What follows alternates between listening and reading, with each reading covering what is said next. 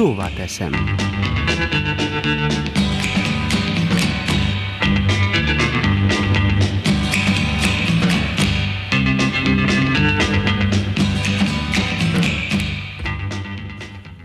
Hát ez bizony nem tartott sokáig. Mármint a fellélegzés, a megnyugvás, az aggodalom eltűnte.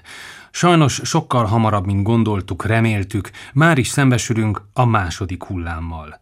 Ha ez már az, de lehet, hogy még az elsőnek a folytatása ez vagy. Lehet, hogy csak egy kisebb nyári fellángolás. Mindegy is, de pont ez az, ami olyan bénítóan bosszantó, szörnyen aggasztó a vírussal kapcsolatban.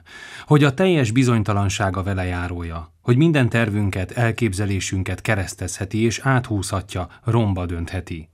Most akkor tényleg ez az új valóság. Szokjuk meg, hogy nincs mit tervezni, mert holnapra úgyis minden máshogy lehet. Mire akar minket ez a vírus tanítani? Hogyan szokjuk meg vele az együttélést? Lesz-e és mikor vakcina? És mi van, ha nem lesz? Bénító kérdések száza merül fel újra. Olyan, mintha visszatekertük volna az órát márciusra. De vissza lehet azt tekerni? Mármint most hogyan kellene, hogyan lehet védekezni a felfutott görbe ellen? Még egy leállás ugye nem jöhet szóba, hisz azt meggyőződésünk szerint nem bírná ki a gazdaság. De szerintem a társadalom sem tűrné a dolgot. Valahogy nem hiszem, hogy másodszor is betartanánk azokat a vas meghozott intézkedéseket, amiket tavasszal még eltűrtünk. Mert a szolidaritás természetesen fontos, de a gyakorlati élet mást mutat. Mindenki alig várta, hogy végre szabadon mozoghasson, intézkedhessen, nyaralhasson.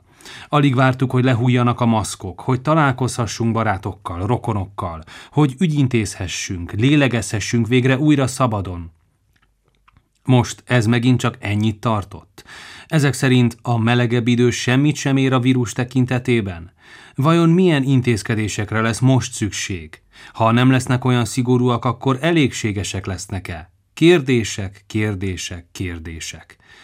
És ezek hova vezetnek? Stresszhez, aggodalomhoz, egzisztenciális szorongáshoz, létbizonytalansághoz. Betegségekhez vezethet mindez. No meg vitákhoz, veszekedésekhez, anyagi, lelki bajokhoz. Azt hittem, a második kört már sokkal felkészültebben várjuk, de most valahogy nem vagyok ebben sem biztos. Az ágy és lélegeztető ventilátor kapacitás csak egy mozaikja az egésznek. A határok nyitva vagy zárva tartása a másik darabja az összképnek, és akkor ott van a többi.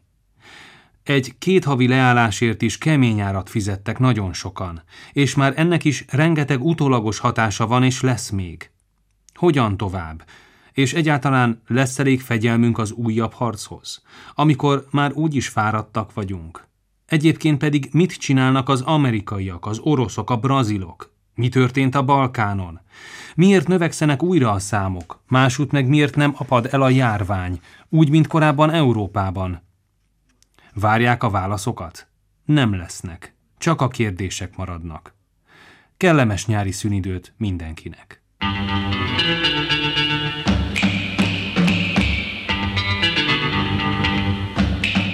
Szóvá teszem.